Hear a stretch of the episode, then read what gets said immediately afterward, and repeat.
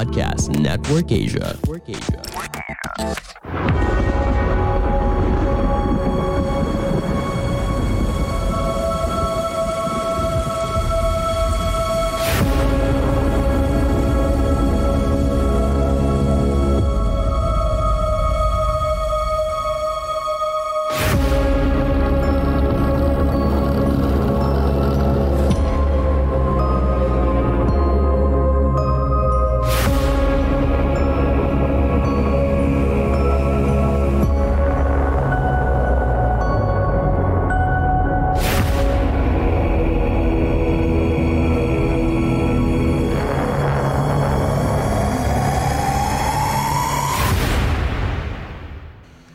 Semuanya.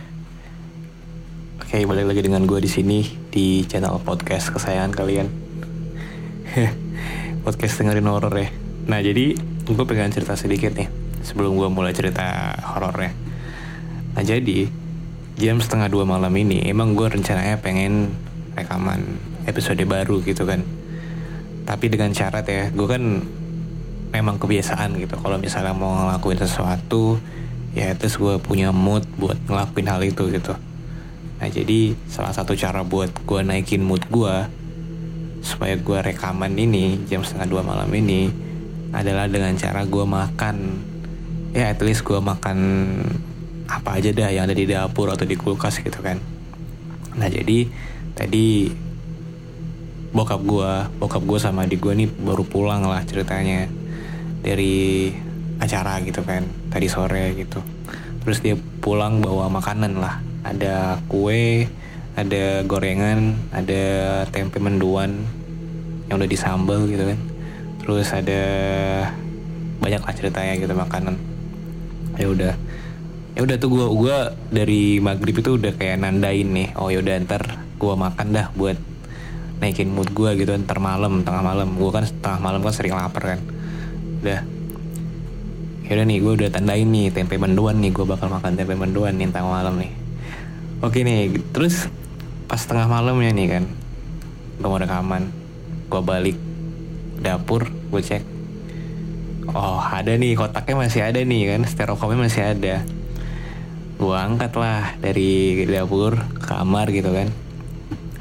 Kan ketutup ya styrofoam ya Jadi kan kelihatan kan gitu kan. Tapi di styrofoam ini ada sendok Sendok besi gitu jadi gue angkat loh masih ada isinya nih kayaknya nih gitu kan. Tapi kok agak ringan gitu kan. Ya udah gue bawa gue bawa masuk ke dalam kamar gitu kan. Taruh di depan layar monitor gue makan gitu kan. Eh gue gue mau buka gitu gue mau buka styrofoamnya. Saat lah anjir. Udah habis ternyata gitu kan. Tinggal sambelnya doang anjir wah udahlah gue pengen makan gitu kan. Ya udah akhirnya gue balik lagi ke dapur. Gue cek di kulkas kan. Oh ternyata masih ada kue nih. Ya udah gue makan aja kue kue tadi pagi tadi maghrib gitu kan. Ada cupcake sama bolu gitu gue makan aja. Ya lumayan lah buat naikin mood gue gitu. Gue tuh emang udah kebiasaan buat makan dulu sebelum ngelakuin sesuatu ya. Karena buat naikin mood gue gitu. Bahkan nyokap gue aja itu ya kalau mau keluar keluar dari rumah gitu. Kalau mau beli belanja sesuatu dia bilang mama harus beliin kamu makanan soalnya kamu tengah malam sering lapar gitu kan. Jadi ya emang udah kebiasaan gue makan tengah malam gitu kan. Ya udah kayak udah kepanjangan banget nih gue cerita tentang diri gue gitu. Jadi gue bakal lanjut cerita horor ya. Dari akun twitter at Shang Sanka Raanggita Sangkara Anggita nih ini ini trader terbaru nih. Maksudnya uh, dia baru nulis baru muncul di Twitter. Dan gue suka nih demen banget nih sama orang-orang yang kayak gini nih.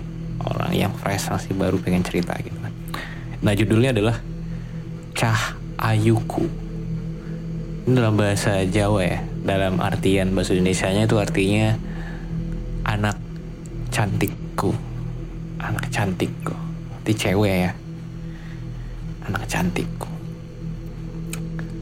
Cah ayuku atau cah ayuku.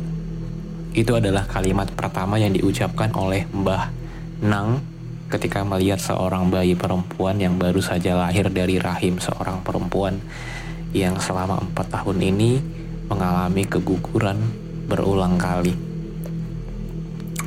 Seorang bayi yang kulitnya tidak hitam, tapi juga tidak putih. Seorang bayi yang alis matanya tebal, hidungnya cenderung pesek dan bibirnya tipis. Cah ayu, lambe kokoyo, mik disilet. Yang artinya, anak cantik, bibirnya tipis, seperti hanya disilet. Kata Mbah Nang yang berdecak kagum. Oh, maksudnya dia memuji ya. Gue salah intonasi ceritanya. Kayak memuji anak cantik gitu, anak cantik nih gitu. Bibirnya tipis seperti hanya disilet. Gitu. Kata Mbah Nang. Matanya terlihat berbinar, tapi jika dilihat lagi, matanya terlihat tajam. Dia terlihat menggemaskan, tapi juga terlihat mengagumkan. Mungkin karena mendapatkannya butuh penantian panjang. Itu kata beberapa orang yang saat itu datang untuk ikut menengok kelahiran bayi perempuan itu. Bayi yang entah kenapa setelah setahun berjalan tidak pernah bisa merangkak ataupun berjalan dengan sempurna, tapi malah memilih mengesot dan sering tertawa sendirian di pojok ruangan rumah. Bayi yang kemudian dibesarkan dengan lingkungan keluarga yang sangat kental budaya dan adat istiadatnya. Bayi yang kemudian telah menjadi seorang anak manis berusia tiga tahun yang terlihat sangat mengagumi dunia yang selama ini beriringan dengannya, dunia budaya kesenian. Siapa sangka jika di umurnya yang baru berusia tiga tahun, dia sudah lihai menari dan tanpa rasa takut pentas tari ke berbagai tempat ketika anak-anak seusianya masih menangis dan mengompol jika harus berhadapan dengan banyak orang dan anak berusia tiga tahun itu adalah aku. Aku yang sejak kecil mendapatkan support dari bapak, juga Mbah Nang untuk terjun ke dunia kesenian. Tapi selalu ditolak mentah-mentah oleh ibu. Dulu, aku tidak tahu kenapa dan aku cenderung tidak peduli alasan ibu menentang karena apa.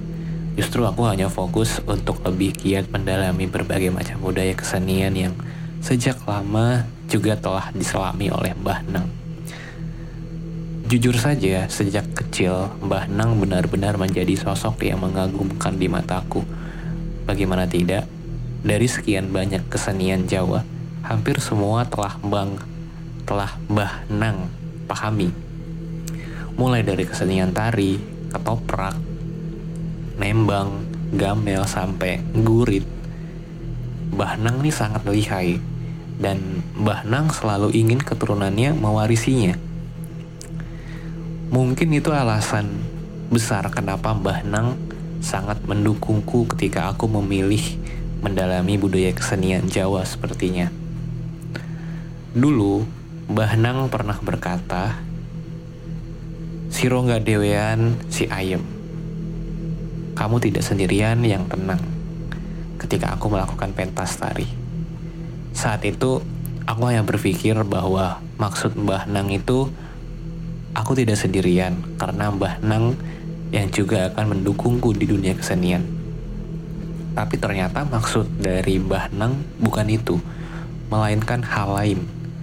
Aku masih tidak paham dan tidak peduli seperti biasanya. Jadi aku masih hanya fokus dalam mendalami berbagai macam budaya kesenian Jawa.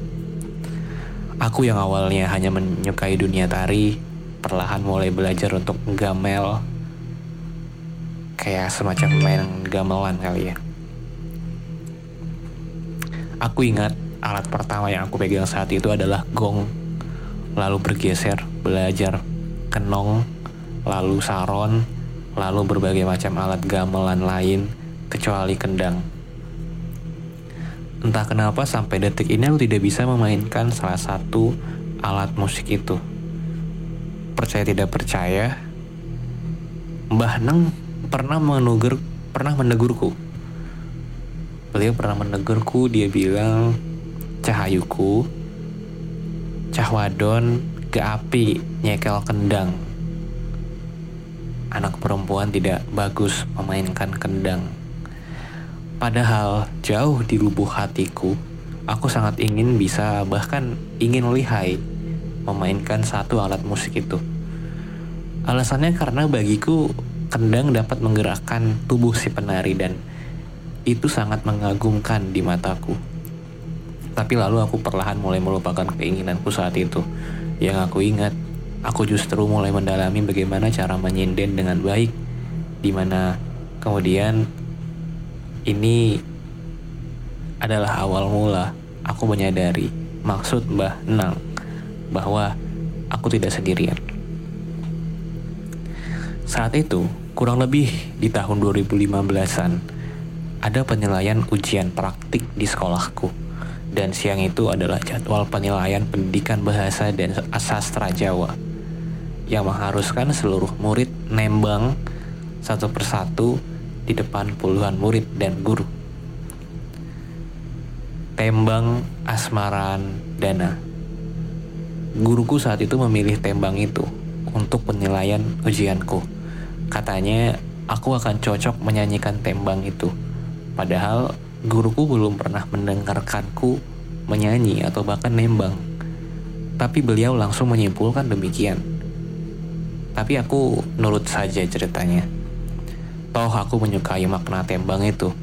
Tembang yang dihasilkan dari sebuah surat yang ditulis oleh Damar Wulan kepada istrinya, Anja Semara. Tembang yang isinya merupakan sebuah pesan, pesan pamit karena akan berjumpa dengan kematian. Aku lupa hari itu hari apa, tapi aku ingat saat itu aku mengenakan seragam batik identitas sekolahku. Dan saat itu pukul 3 sore karena aku adalah murid terakhir yang melakukan penilaian saat itu. Aku murid terakhir di sore hari. Suasana tidak kondusif, mungkin karena anak-anak di kelasku sudah lelah dan ingin segera pulang, tapi guruku menatapku dan mengangguk untuk tetap fokus dalam penilaian. Aku heran, kenapa guruku yang semula berada di barisan depan, justru melangkah mundur ke barisan paling belakang. Paling belakang. Bahkan saat itu posisinya benar-benar berada di belakang kursi murid sampai aku berpikir, Sial, pasti nilaiku akan jelek karena aku akan sulit suaraku terjangkau. Tapi aku sudah bodo amat dan memilih buat fokus aja. Yang aku ingat, aku diam sekitar 10 detik di depan kelas sambil memejamkan mata. Lalu detik selanjutnya aku menembang dengan lirih tembang asmaran dana itu. Aku hanyut dalam liriknya yang sendu Aku lupa dengan kegaduhan di kelas. Dalam memoriku, justru aku merasa berada di bawah pohon-pohon rindang. Angin menerpa wajahku perlahan. Lalu aku merasa seperti tengah menembangkan tembang yang sendu itu di bawah langit yang mendung. Dan aku merasa begitu sakit di dada, terasa sesak hingga akhirnya aku berada di akhir tembang. Aku sadar aku telah menitikkan air mata dan itu membuatku segera mengusapnya dan perlahan membuka mata. Aku benar-benar tidak menyangka semua temanku saat itu menatapku dengan diam ketika kelasku tiba-tiba sunyi tatkala aku melantunkan tembang tadi. Lalu aku dengar bisikan teman-teman yang justru mirip seperti mencicit. Aku merinding. Itu Anggita gak kesurupan kan? Atau kalimat, aku takut kok tatapan Anggita kosong dan sebagainya. Tentu ini membuatku bingung. Tatapan, bukankah sedari tadi aku memejamkan mataku? Bagaimana mungkin mereka melihatku dengan tatapan kosong? Tapi tepuk tangan guruku membuyarkan semua pertanyaan yang berada di benakku. Bagus, Duk. Nanti jangan pulang dulu ya. Ibu tunggu di kantor. Ucapnya dengan sebuah senyuman sembari membereskan barang-barangnya sebelum pergi. Dan ya, seperti dugaan kalian, semua temanku langsung mengerubuniku, mengerubungiku, dan menyerangku dengan berbagai macam pertanyaan. Seperti, aku merinding banget gitu. kok kamu bisa seperti kayak tadi sih? Atau sekedar, Git, kamu gak apa-apa. Kamu kayak orang kesurupan loh pas nembang dan lain sebagainya. Sedangkan aku, aku hanya mengangkat bahuku dan mengerinyitkan dahiku sembari membereskan alat tulisku ke tas karena aku menem karena aku akan menemui Gustin, guru pendidikan dan sastra Jawa yang tadi memintaku untuk menemuinya di kantor. Bu Gustin terlihat begitu serius berbincang dengan seorang laki-laki yang kepalanya memakai ikat seperti udeng. Itu Pak Soko. Dia adalah seorang guru seni di sekolahku. Kalau tidak salah, dengan aku sempat mendengar kalimat terakhir guruku. Anak itu perlu diruat. Mereka saling menatap saat aku datang, seperti saling mengkode untuk tidak melanjutkan obrolan, hingga akhirnya mereka membuka suara, memintaku untuk ikut lomba nembang di tingkat kedua dengan langkah awal seleksi kota. Tingkat kedua maksudnya. Dengan langkah awal seleksi kota. Jadi itu mengharuskanku untuk sering latihan dengan Pak Soko. Aku ingat dulu Pak Soko memintaku untuk latihan dengan keras. Aku diharuskan mengonsumsi kencur, tidak makan gorengan atau es, mengatur nafas dan suara dengan posisi berlari, menembang dari ujung lapangan tanpa pengeras dan harus terdengar dari ujung lapangan lain. Dan yang paling aku sedikit heran adalah saat aku diharuskan puasa beberapa hari. Tapi aku tetap berpikiran positif dan melakukannya dengan niat kepada Allah Ta'ala. Yang aku pikirkan, mungkin ini sebuah bentuk ikhtiar agar aku menang dalam lomba. Hingga Sampai hari H pun datang dan aku sudah siap menghadapi lomba. Dan lagi-lagi itu terjadi lagi. Saat itu aku naik di atas panggung. Lagi-lagi aku menjadi peserta terakhir yang diharuskan maju ke depan dan selalu mendapatkan kondisi yang tidak kondusif. Sialnya lagi, tiba-tiba mic terus berdenging, tidak karuan setiap aku pegang. Udah tiga mic diganti tapi selalu saja demikian. Aku melihat wajah Pak Soko yang khawatir. Dia terlihat khawatir dan menatap ke arahku. Aku tidak bisa mengartikan ekspresi wajahnya kala itu. Khawatirkah terhadapku atau hal lain? Karena wajahnya juga menyiratkan ketakutan.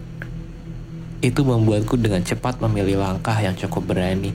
Aku meminta panitia mematikan seluruh saluran mic aku akan menembang tanpa pengeras suara. Karena aku berpikir semesta nampaknya tidak mengizinkanku untuk menggunakan alat itu. Jadilah aku dengan keputusan bulat memilih menembang tanpa mikrofon. Aku menarik nafas dalam-dalam dan seperti biasanya aku pasti akan memejamkan mataku. Aku akan membiarkan diriku hanyut masuk ke dalam lirik tembang membiarkan takdir membawaku entah memang entah menang atau kalah. Yang penting aku sangat membiarkan diriku hanyut masuk ke dalam lirik tembang tadi. Aku benar-benar lupa dengan apa yang terjadi saat itu yang aku ingat saat selesai melakukannya aku dijemput Pak Soko dan digandeng untuk meninggalkan tempat perlombaan badanku lemas Mungkin karena aku grogi. Tapi Pak Soko memujiku dan menceritakan semua hal saat aku di panggung tadi. Membuatku merasa apakah Pak Soko tahu sesuatu dan kenapa Pak Soko bercerita seolah dia mengerti bahwa dia harus bercerita kepadaku. Aku tahu setelah aku dinyatakan lulus dari sekolah itu. Kata Pak Soko, ketika aku sudah mulai menembang aku sudah tidak aku sudah tidak seperti aku. Seperti ada sosok lain yang membuatku seperti bukan diriku sepenuhnya. Pentasku pasti menjadi lebih terasa magis. Anjir gue merinding coy. Kayak gue nggak lanjut dah malam ini. Gue gue gue nggak bohong gue merinding pas bagian ini. Pas sebagian membuatku seperti bukan diriku sepenuhnya. Jadi gue tunda dulu ya. Jadi gue bakal lanjut ke episode berikutnya. Oke. See you guys. Gue gak kuat lagi, sorry.